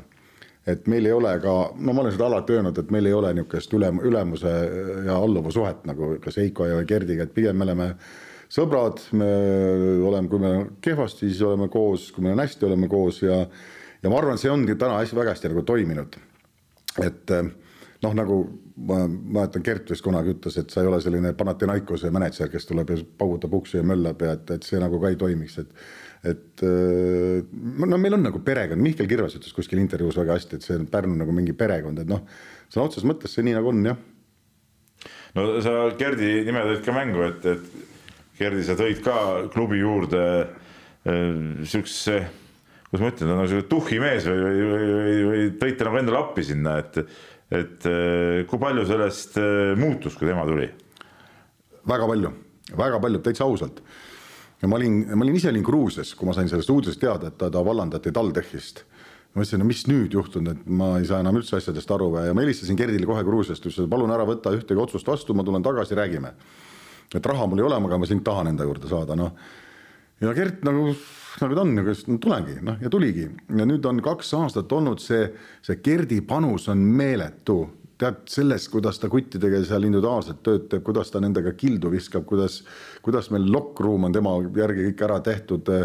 seda, see, see noh, see on, see on hindamatu asi, et ma isegi alati olen mõelnud, kui Gert peaks kunagi peatreener olema, et kes siis seda abitreeneri nii lahedalt niisugust asja ära teeks nagu. ja, ja noh, no, no ma arvan, et Heiko ja Gert ikkagi selle kooslusena täna on ikka väga-väga-väga okei variant, et. öö ja päev nagu mehed natuke oma olemuselt. no mõnes mõttes küll jah, on, on küll jah, aga, aga aga, aga see peabki olema, need üksteist muidu täiendavad ja, ja, ja sobib ideaalselt meile täna. kumb osa sinu jaoks on klubi juures, klubi tegemisel keerulisem, et sellest raha hankimisest me rääkisime, aga kas see raha hankimine või siis vastutus selle eest, et selle raha eest on toodud ka õiged mehed ja, ja see meeskond komplekteeritud? hea küsimus, Peep, väga hea küsimus. no nagu sa tead, ega me ei pannud see aasta alguses kümnesse oma asjadega, minu meelest üks meie mustanahaline mängija sai päris kohe auhinnalise esimese koha kui kõige kehvem välismängija no,. see on kurikuulus juba, ütleme niimoodi. noh, et vot niisugused asjad tulevad ju ka sisse, eks ole, on ju. kui sul on paberi peal, et Nigeeria koondise vend ja noh, enam-vähem normaalne, ikka võtad ära, vennaga tuleb kohale, no ei oska üldse mängida, eks ole, siis on päris, päris julm, on ju ja aga meil tegelikult minu nüüd selle viie aasta jooksul on see ebaõnnestunud valikud on väga, väga väike osakaal, neid ei ole palju olnud. Ja pigem, pigem on meil äh, läinud väga palju täkkesse ja siin on jällegi väga suur töö ju Heikol, eks ole, kes neid välja praalib seal ükshaaval ja, ja agentidega suhtleb ja ja no see, eks see mingil määral on loterii niikuinii, ega seda sa päris sada protsenti ikka ei tea, keda sa saad, mingeid agente me muidugi usaldame rohkem ja nende juttu. näiteks siin sügisel ikka paar agenti ajasid niisugust jama meile et noh, pärast tuleb välja, et ei ole üldse sinnapoolegi vend, et noh, niisugused asjad on aga põhiliselt see ikkagi, keda võtta, see on nagu Heiko otsustada. ja, ja ma olen, me oleme selle kohe kokku leppinud, see on selles mõttes on see nagu isegi mõistlik, et eh, kui mänedžer sekkub väga jõuliselt, et kuule, me võtame selle, võtame selle, siis mul on pärast hiljem ka nagu natukene nagu noh, kas siis nõuda või küsida, et kas me tegime ikka õiged valikud, eks ole, ise olen ta ju toonud ja tegelikkuses on niimoodi, et me oleme kokku leppinud, hinnapiiri teame, selles piiris vaatame, muidugi Heiko saadab mulle ka loomulikult kõik need äh, läbivaatamiseks, aga noh, sa neid highlight'e vaatad, kui nad kõik on seal ju praktiliselt NBA vennad, nii vägevad vennad selle järgi, et see ei anna sulle mitte mingit infot, oleme ausad. ikka see, kui sa saad kellegi mänedžeriga veel suhelda, tausta uurida või võistkonnakaaslastelt või treeneritelt ja seda Heiko teeb edukalt, jah. palju on räägitud sellest Eesti korvpallis, et äh, lihtsam on võtta välismaalane saad odavamalt kätte kui siit mõne Eesti mehe. teisalt jälle noh, väga paljud on seda meelt, et no mis ma sellest kümnest välismaalasest seal platsi peal ikka vaatan. kuidas sa tunnetad selle viie aasta jooksul ka, et kas Eesti meeste sihuke mentaliteet, kuhu suunas see liigub, et kas see läheb ka aina kallimaks, lähebki kuidagi nina taeva poole või, või, või kuidas sa tunnetad seda? Ma tahaks loota, et see ei lähe nii. Äh, eks me oleme ju teiste klubijuhtidega ka rääkinud, et noh, loomulikult me esimene asi tahame ju eestlased ära palgata. aga ma olen tunnetanud küll, et kuidagi väga keeruliseks läheb ja need palganõudmised noh, nad lähevad mingil määral äh, võib-olla ebarealistlikeks ka juba, et oleme ausad ja lõpuks, mida on vaja, selge on see, et mina ka ei taha võistkonda, kus mul on kümme välismaalast. ma olen mõelnud endale psühholoogilise piiri, et see neli oleks see maksimum, et siis ütleme, seal väljakul on ikkagi kogu aeg ikka paar-kolm eestlast kogu aeg ja, ja see võiks nii olla. samas elu näitab ka seda ju, et äh, mida rahvas saalis tahab, ta tahab seda möllu, ta tahab seda võitu saada, ta tahab seda show'd saada. ja kui ma vaatan näiteks, kui meil see nüüd need viimased mängud, kus saal rahvast täis oli ja pärast mängu hakkasin vaatama, kelle ümber on lapsed siis tegelikult olid nad selle mustanahalise väikese hälli ümber, küsisid oma autogramme ja noh, see pakub see nendele ka midagi nagu uut ja huvitavat. et mina nagu ei ole nii jäigalt nagu selle välismängijate vastu, aga need piirid, mis täna korvpalliliit on äh, seadnud, mida me nüüd ka alles Käärikul käies arutasime, minu meelest need on mõistlikud kust juba viienda mehe võtmine maksab sulle nii palju, et noh, meiesugune klubi ei mõtlegi selle peale tõenäoliselt, no me, me peaks siis, ma ei tea, mida mängima, on ju. Aga mm, ma loodan, et need Eesti poisid, et nad saavad käia väljas ära ka, et nad näevad, kuidas siis mujal on, et meil ka Mihkel Kirves käis ära, tuli tagasi ja noh, kui neil pakutakse väljaspoolt suuremaid palkasid kui Eestis, no siis jumal hoidku head teed minna ja edu poistele ju. Tegelikult see ju ikka avardab jällegi nende silmaringi ja toob teist kultuuri jälle korvpallis juurde ja mina nagu me oleme alati öelnud Pärnus, meil on see moto, et me ei lähe ühegi palgaralliga kaasa, ma ei ole, ma olen ka Graamo meestele mõnele tegelikult ju pakkumise teinud, aga ma olen alati kaotajaks jäänud. ja eks ma võtan selle suuna ka see aasta, kui, kui me ei suuda, noh, ma ei saa lubada seda palka, mida ma selle poisile lõpuks välja ei maksa. ja, ja kui see number läheb minu jaoks suureks, siis ma tulen, ütlen ausalt ka, et kuule, et sorry, et meie teed nüüd lähevad lahku ja soovin sulle edu ja, ja, ja nii, nii lihtsalt on sest läbirääkimised on need keerulised, keerulised asjad, ütleme nii. ja, ja vaata, küsimus on ju ka selles, et äh, noh, täna näiteks võib-olla ka poisid ootavad ka ju boonuseid midagi, eks ole, ainult ikka hea hooaeg ja niimoodi iseenesestmõistetav, ma teen ka selleks kõik, et midagi saaks maksta poistele aga lõppkokkuvõttes see võistkond on ka ju komplekteeritud selleks, et on tugev, et seal on kõik liinid on täis pandud, see, see ei ole niimoodi, et ühe-kahe poisi panus, see on meeskonnaala ja, ja, ja seal tuleb ka vaadata nagu teist poolt, et kui me ei suuda komplekteerida head võistkonda, siis ei olegi võimalik neid boonuseid kunagi saadagi tegelikult noh.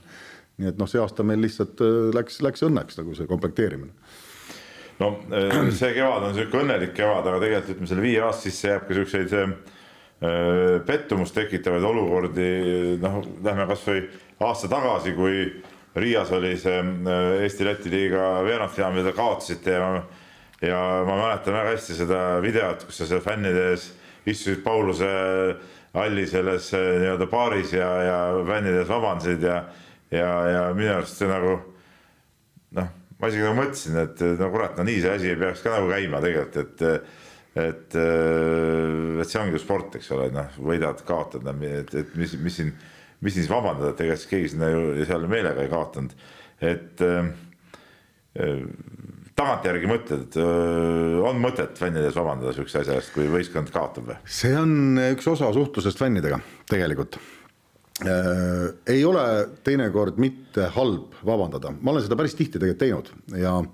mul üks ka jällegi hea sõber ütles, et näed, et jälle, John, sa käid ja vabandad ja muudkui võtad kõik asjad enda peale ja, ja nii edasi, aga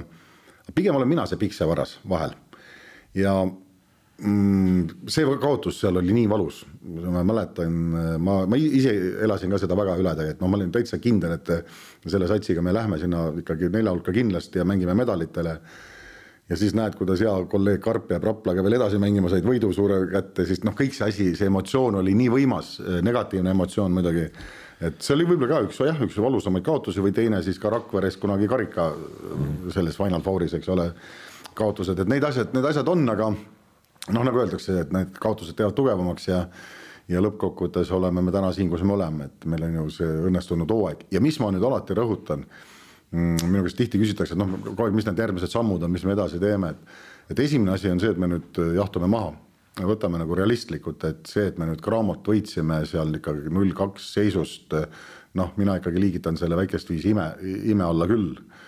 ja, ja oleks sealt kaotanud, poleks see hooaeg üldse nii roosiliselt ju meil tegelikult lõppenud, oleks tavaline hooaeg olnud ja kaotus Viimsile ka äh, Riias, äh, eks ole, kahe punktiga no see oli loterii. no oli jah, loterii. seda, seda ei saa öelda, et te olite kehvemad, teised paremad. ja, ja ei, ei seda ja. küll, seda küll, aga lõpuks, lõpuks on ikkagi vaadatakse, kes on medalil ja kes ja, ja, ja, ja, ja siis vaadatakse ikka, kes Eesti meistrivõistlustel lõpuks need medalid ära võtavad, nii et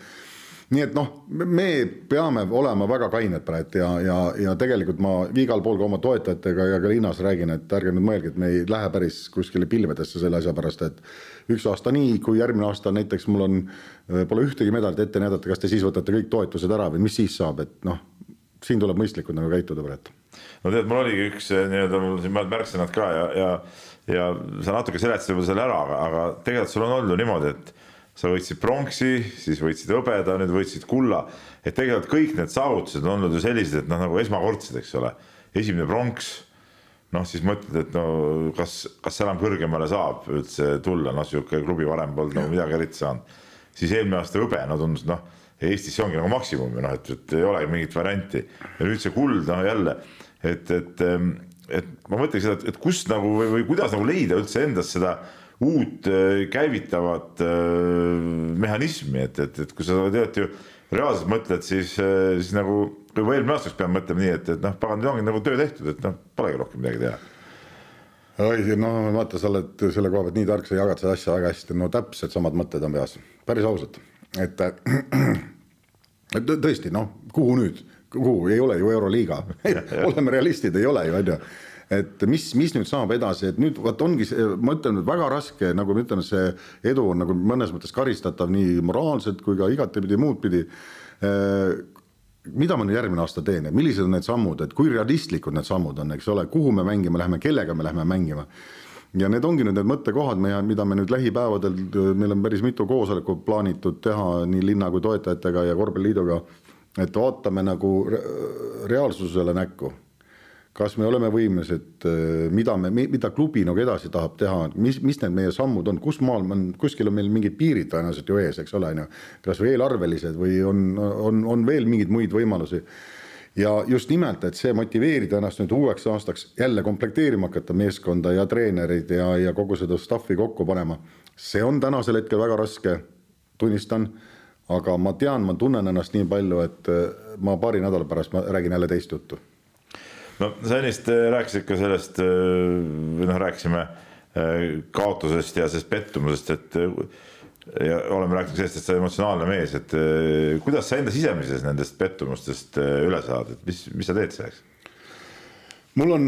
paar head asja, mis mind alati aitavad, ühe hea sõbra juures maal, laua taga istumine, saunad või siis kalapüügid, nendega, nendega ma oma pingeid maandan ja, ja ega ma nagu selles mõttes äh, ma olen niisugune noh, lühikese viha mees, nagu öeldakse, on ju, noh. ma põlen läbi korra see moment, selle üks-kaks päeva, aga ma, mul läheb see kuidagi üle kergelt ja ma ei jää nagu vinduma selle asja peale, et no mis siis teha, no kaotasime, kaotasime. ei lähe järgmine päev rannule ukse taha, kuule, Taavi, su koht on nüüd läbi, et lähme, lähme lahku. no ma isegi pole mõelnud kunagi niisuguse asja peale, et see pole nagu teema. et noh, tead küll, Peep, sa, sinu mees teab küll, kuidas pinged maha võetakse ja väga edukalt ja nii, et küll saab edasi minna, nii et nojah, aga see jah, tihtipeale ei ole nagu lihtne, eks ole, et, et äh, aga no ei muidugi, vahendid on olemas, ütleme niimoodi. et see on, neid tuleb ka kasutada, et ei tohi enda sisse jätta, see on põhiline. absoluutselt ja ega ma ei jäta ka, päris kindlasti ei jäta. Äh, kuidas sa Pärnu linnas tunnetad seda, et noh, korvpall on nüüd esile tõusnud, enne oli Pärnu nagu võrkpallilinn, seal on see jalgpall on kõvasti sees. noh, seal on sõuded ja, ja, ja mis seal veel kõik võib olla. kuidas seda aladesisest konkurentsi tunned ja kuidas, kas sa tunned ka, et, et nagu mingi kadedususs ka kuskil kedagi närib natuke, et, et sul nii hästi on läinud? ma usun, et seda on, seda kindlasti on, noh, võib-olla seda mulle ei väljendata, aga Äh, ma arvan küll, et viimased paar aastat meil on läinud liiga hästi, me oleme saanud tunnustatud linna poolt igatepidi parim pallimänguvõistkond ja kõik, mis ida, iganes ja, ja noh, tõenäoliselt ega ta siis see aasta ka teistpidi ei lähe, eks ole, kui nii, et tulemused on all. aga äh, ma nagu linna äh, tuge nagu ikkagi tunnetan pigem noh, nii ütleme siis poliitikud või mis iganes äh, et loomulikult nad on ju täna, räägitakse korvpallist palju rohkem Pärnus, kui seda varem on tehtud ja, ja sellepärast ka nüüd meil reedene koosolek, kus linnainimesed on ka kohale kutsutud, et vaatame ühiselt üksteisele näkku, et näete, seis on täna selline, meil on vaja selliseid vahendeid, et teha nüüd järgmised sammud ja kas need sammude tegemine läheb korda üldse linnale, kas see läheb kogukonnale korda? Või on see kuidagi Kärp-Johani mingi loll kiiks, et minna kuskile edasi, siis, siis asi nagu ei toimi, eks ole, on ju et kui klubi on nagu valmis neid samme astuma, siis peab tulema ka kogu see kogukond ja meie toetajaskond ja, ja linn, mille taha, et meil oleks kindlustunne, et meil ei juhtuks midagi, et teeme ühe mingisuguse, ma ei tea, mingi suure eurohooaja mingi, ma ei tea, mis hindade juures ja järgmine aasta tõdeme, et kuule, seda klubi enam ei ole. et me oleme pankrotis, me ei täida oma kohustusi ja, ja neid näitajaid on ju elus olemas, et ja kusjuures kogu austuses nende inimeste ees, kes seda asja on vedanud, ega nemad ka kõik ei ole ju hiromandid ja näe ette seda asja, et need kulutused on nii suured ja sa alati ei teagi tegelikult, millised kulutused sul tulevad, eriti eurosarjas, kuhu sa satud, eks ole, on ju, noh. nii et sellepärast mul on vaja nagu mingit kindlustunnet, et kui on ikkagi häda käes, et meid nagu päris üksinda ei jäeta. no sa ütlesid kogukonna tugi, teisalt jälle hooaja keskel mulle tundus, et äh, Pärnus see korvpall ei huvita üldse mitte kedagi, et, et äh, publikut ju tegelikult saalis noh, olid mingid inimesed, aga noh, sisust ei olnud, eks ole. ja, siis nüüd järsku finaalide ajal, no siis olid kõik otsesed korvpallifännid, et, et, et kuidas seda saab seletada, et, et, et sihuke, ütleme, reahooajamäng tegelikult Pärnus mitte kedagi ei huvita no seal oli jah, mõni, meil sattus, oli siis, ma mäletan vist Valmiera mäng oli, üks oli, kus oli kakssada inimest saalis vist ainult ja niisugused numbrid olid meil küll aga seal oli vaata see, siis oli see Covidi jama ka veel, siis ei tahetud nende Covid passidega ja, ja ei tahetud nende maskidega istuda, ma tean, päris paljud inimesed ütlesid, ah ma olen parem kodus ja tead, vaatan telekast, on meil palju mugavam. et kui see Covid nagu ära kadus, siis tegelikult kohe tõusis meil oluliselt kohe seltskond ka isegi enne play-off'e või noh, need mängud, mis juba olid et läks normaalseks, et meil pole nagu noh, nii katastroofiline seis meil pole Pärnus muidugi kunagi olnud. Aga noh, see lõpp eh, muidugi, see oli muidugi isegi paremates unenägudes me ei osanud aimata, et, et meil niisugune seltskond tuleb kokku, et et tõepoolest, et Pärnu spordihalli ei mahu inimesed reaalselt ära, et vot seda ma ei uskunud küll. Ja seda oli lahe, lahe, lahe tunda ja nüüd, nüüd ole mees ja ürita sellest mingi osa ikkagi uuesti tagasi tuua sügisel saali, et äh, selleks tuleb kõvasti vaeva näha ja ega me korvpalliliidu koosolekul, kus me nüüd käisime ka Käärikult, seal oli ka üks punkt konkreetne, mis tegevused klubid võiksid nagu teha. et selline paarisaja inimene, ütleme paarsada inimest saalis, seda me enam ei näeks nagu. nojah, samas seda mängu mängitakse ju inimeste jaoks, aga ja. no ütleme, see Pärnu, ma ütlesin, Pärnus kedagi ei huvita, see paarsada inimest isegi parem tulemus, kui siin oli, ma ei tea, Tallinna Kalevil võib-olla polnud sadat inimestki, eks ole, ja ja, ja ka see Rakveres kuivas ka see asi väga kokku, et et jah, et, et seda nagu aegade jooksul, ütleme, kui korvpall on nagu ülipopulaarne, on rahvast palju olnud, siis ikkagi tänapäeval seda, seda rahvast jääb paratamatult vähemaks ka, ka suurtel mängudel, ka, ka ütleme, Kalevi eurosarja mängudel ju tegelikult ei olnud ju nii palju rahvast, kui oleks võinud olla. ja, ja ei noh noh, me ütleme, et oligi need viimased mängud, mis nüüd alles tekitasid selle laheda tunde, kui Tartus oli ju sama, sama möll, eks ole, on ju, et Tartu ja see meie viimane mäng, noh, need olid ikkagi noh, võrratud, no mul ei olnud ju eurosarja mängu ka polnud. Mul oli poole vähem tegelikult vaatamas kui seda viimast mängu, tegelikult meil oli kaks tuhat inimest ja eurosarjas oli tuhat, eks ole, noh, nii et no vaata, kui palju läheb korda üks niisugune finaalmäng ja niisugune ajaloo hõng ja selline mingi ärevus, et Cramot ei ole ja Tartu-Pärnu ja see on hoopis teine, teine teema oli seal saalis ja ma ütlen ausalt, kui me tulime äh, meeskonna sellest nii-öelda koosolekust välja, ma vaatan saali, nelikümmend minutit on mängu alguseni, inimesed juba ei mahu, siis tekkis küll väike nagu ärevus, et mis nüüd saab siis, et no paneme uksed kinni, et ei lasegi sisse enam kedagi või noh no rahaliselt äh, ka kasulik. nojah, eks ta loomulikult ta täitis seda auku, mis me terve see sügis ju vindusime, kus meil oli mänge, kus me pidime mängu korraldamisest peale maksma, et rahva, rahvast oli nii vähe, eks ole, tulid sponsorid ja lapsed ja siis mõned, kes ostsid piletid, eks ole, et, et seda me siis natuke lappisime seda auku, muidu oleks jube olnud no eks äh, paljusid muidugi huvitab see, et äh, mis saab peatreener Heiko Rannulast, eks ole, et ta on olnud kogu selle aja sinu aja ja ta oli juba enne seal Pärnus äh, peatreeneri ametis. temast on aastaid räägitud kui Eesti ühest üks perspektiivikamast noorest treenerist ja, ja ta ise öelnud, et ta tahaks nagu suurimaid väljakutseid, et äh, on sul üldse mingeid hoobasid, et äh, Pärnus teda hoida? ma olen seda vist nüüd juba mitu aastat rääkinud ja ma räägin, ega ma ei ole selles mõttes kuidagi. et sa kinni ei hoia, ma saan aru. ja, ja, ja ei, ma, ma olen nagu enda peas selle selgeks mõelnud selge on see, et äh, kui sa oled kaheksa aastat ühes kohas olnud, noh, mingi hetk sul võib noh, mõtled, kas ma nüüd jäängi siia või, või mis see minu nagu elu on. Äh, teades Heikot ja tema töökust ja sellist suhtumist korvpalli ja kogu sellesse asja, ma arvan, et tal on veel väga helge tulevik ees. kas me teda suudame Pärnus hoida, see on teine küsimus ja, ja tänases foonis Eesti parim treener kõik äh, tiitlid ka veel kaasas, noh, paremat võimalust võib-olla ei teki kunagi, et kuskile edasi minna. ja ega mina olen nagu selle peale öelnud niimoodi, et äh, kui ta läheb, ta läheb kindlasti valib parema klubi või mingisuguse kõrgemad eesmärgid, siis mina soovin talle siiralt igal juhul ju edu ja, ja, ja mine tea, võib-olla meie teed kunagi veel kohtuvad, aga aga, aga kinni me teda kindlasti ei hoia, otse loomulikult, esiteks pole meil neid võimalusigi, et kellegi suure klubiga hakata võitlema, mingi palganumbrite rallidega me kaasa minna ei saa noh, täna on muidugi see moment küll, et äh, sõltub sellest, kus me ka mängime, eks ole, et kui me tõesti võtame need, need suuremad eesmärgid, siis meil täna Eesti mõistes on ikkagi Pärnul väga hea väljund, ükskõik kes see treener ka meil ei ole, et siin ennast näidata, et et ega meil ka nagu klubina pole midagi nagu häbeneda, et me midagi halb, noh, kehvasi võimalusi täna ei paku. Aga ma arvan, et need on lähipäevade või järgmisel nädala küsimus, kui see asi on nagu selge ja, ja, ja miks me oleme omavahel kokku leppinud, et infot vahetame koheselt, nii kui targemad oleme, nii kui Eikol see pakkumine tehakse, ta lubas mulle öelda, et kui tal tehakse ja et siis, siis, siis olen mina uues olukorras ja vaatan edasi, mis saab. nojah, et, et see on, see on loogiline, et ükskord, ükskord ta sealt eh, kuhugi ju, ju liikuma peab, eks ole, et, et siin noh, tõesti noor mees ja, ja no. teisalt jälle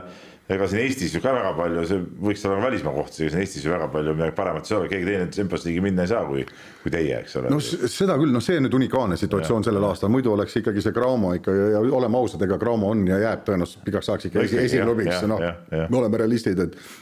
see, et neil see aasta oli nagu ebaõnne, ma arvan, see motiveerib neid järgmine aasta kõik need oma niisugused miinused ära lappima ja ja noh, miks mitte Cramo olla talle ka järgmine võib-olla samm, võib-olla miks mitte, kindlasti on see edasiminek. noh, juba organisatsiooniliselt ju, eks ole, Cramo on hoopis teine kui ikkagi Pärnu täna, see on päris selge. aga no meie, mina olen öelnud siiamaani kogu aeg, et meie teeme oma tööd vaikselt, me üritame oma eelarvet vaikselt kasvatada, millega me oleme siiamaani kõik need viis aastat hakkama saanud. täpselt selles, enam-vähem selles tempos, nagu ma olen enda peas nagu välja mõelnud. kui me suudame sellist arengut, nagu me siiamaani oleme teinud, kasvõi mingil määralgi hoida siis me oleme väga-väga heal teel. ja, ja, ja noh, ma olen nii palju maksimalist küll, et ma loodan, et me tagasikäike ei tee lähiaastatel, kuigi nagu sa aru saad, ega see ei sõltu alati ainult klubist, klubi juhist, see sõltub paljust ümbritsevast meie ümber, mis, mis, mis üldse hakkab saama, aga aga täna, tänased teed või teod, mis me teeme nagu järgmiste aastate nimel on ka päris ambitsioonikad, nii palju ma võin sulle öelda, et vähemalt meie mõtted on päris ambitsioonikad kas me need ära teostame, eks seda näitab aeg. Äh, sa oled elus teinud mitu kannapööret, nagu me siin oleme selle jutuajamise käigus ka äh, rääkinud, eks ole, erinevad ametid, erinevad tööd, erinevad väljakutsed. Äh, ja iseennast tundes, kas sa näed ennast veel kümne aasta pärast ka seda Pärnu meeskonda vedamas? Jälle hea küsimus, Peep, mitmes hea küsimus, vaata sellega on lugu niimoodi, et ma olen nüüd öelnud ka paaris kohas välja sellist mõtet, et mina ei hoia sellest tööst väga kinni, kus ma praegu olen. kui on järsku olemas mingisugune grupp inimesi või, või, või, või mingi noh, ütleme huvigrupp, kes tahaks nagu seda klubi Pärnu klubi, ma mõtlen, viia kuskile veel kõrgemale tasemele, hoopis leia, kes on võimelised tooma teisi vahendeid juurde. Ma kindlasti kuulaksin sellised inimesed ära ja, ja kui see on tõesti, ma näen, et sellest võidaks Pärnu korvpall ja, ja üldse üldse korvpall Eestis laiemas mõistes, siis mina võiksin täitsa vabalt ka olla mitte see klubi juht, võib-olla ma olen lihtsalt seal klubi juures kui tavaline tegevtööline ja, ja, ja minu, minu puhul, mina ei saa kindlasti olema pidur kohe sada protsenti seda, kui keegi kuulab, siis kui on rahamehed, andke mulle teada, tulge ja, ja tegutsege või, või on mõni veel aktiivsem inimene olemas, kes tahab, tahab ise vedada klubi. Sest kinnitan, et see töö ei ole lihtne töö. see on selles mõttes tänamatu, nagu ma alati mõtlen, et ükskõik kuhu sa viid selle klubi, mingi hetk tuleb tulla mängijatele, treeneritele paremad pakkumised, aga mina jään siia, mina jään siia oma nende muredega, et et ega, ega see ei ole lihtne tegelikult. no kas, kui sa mõtled tagasi nüüd, kui sa alustasid meie jutuajamise alguses rääkisime, kui sa olid noor poiss ja mängisid korvpalli ja tsikis ja ja, ja, ja hiljem hakkasid noortega tegema. et, et kas sa mingil ajahetkel oskasid nagu seda ette näha või unistada just sellisest hetkest, nagu praegu on sinu elus? oli sul mingi eesmärk? minul oli eesmärk Kalev, Kalevisse saada, mäletan seda, ma tahtsin Kalevisse saada, see oli eesmärk siis, aga siis, kui ma hakkasin aru saama, et seda eesmärki ei ole, siis võtsin teised eesmärgid ja ei, ma, no oleme ausad, kus ma oskasin niisugust asja mõelda. ega ma viis aastat tagasi, kui ma selle klubi üle võtsin, ma seda momenti ka ei osanud ette näha, kus ma täna olen et noh, nagu ma ütlesin kunagi, et eesmärk on võtta medal ja võtta ühest eurosarjast osa. tänane minu noh, ütleme nii palju ma võin öelda, et eesmärk on, et Pärnu korvpall jääks tiirlema eurosarjadesse ühel või teisel moel. et see võiks olla see eesmärk kindlasti, mida me tahaks nagu täita ja, ja, ja et me ei jääks ainult siia oma eestlastega möllama või lätlastega, et, et mingeid muid asju peab ka tooma ja ja teine asi muidugi see, et oleks jälle Pärnusse korvpall nii populaarne, nagu see viimane mäng oli, et, et rahvast oleks saalis ja ja linna peale tuleks minna ütlema, et kuule, ehita nüüd suurem saal, et me ei mahu enam, et et need võiksid olla sellised eesmärgid, kui realistlikud nad on, ei tea. ma ütlesin muuseas, ma ütlen sulle, Peep, ka, et ma äh, jõulude ajal, kui me olime ka linna vastuvõtul, kus meid tunnistati parimaks pallimängumeeskonnaks Äh, ma ei olnud absoluutselt mingit šampust joonud ega mitte midagi, täitsa kaine peaga rääkisin, ütlesin välja selle, et ei, et see aasta me tuleme meistriks. et me võidame ka Raamot, kõik naersid saalis. see on täitsa lindis olemas. ma tulin lauda, ma mäletan, et mul treenerid ütlesid, et kuule, mis sa nüüd ütlesid välja, et mõtled ka. aga näed, noh, elus mõnikord lähevad mingid asjad ka täppi tegelikult, no see, see on nagu lahe, aga seda ma lubasin, jah. no selge, ma loodan, et sinu need unistused ja mõtted lähevad edaspidi ka täppi väga hea oli sinuga siin vestelda, aeg läks kiiresti, oleme siin üle tunni aja juba rahulikult rääkinud. veel kord takkajärgi palju õnne ja, ja edu siis järgmisteks võitudeks. aitüma, Peep ja edu sulle ka. aitäh, see oli siis Peep Pahvi ajahüpet järjekordne saade, järgmine kord jälle uus külaline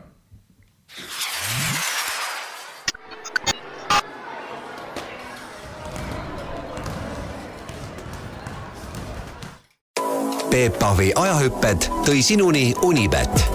mängijatelt mängijatele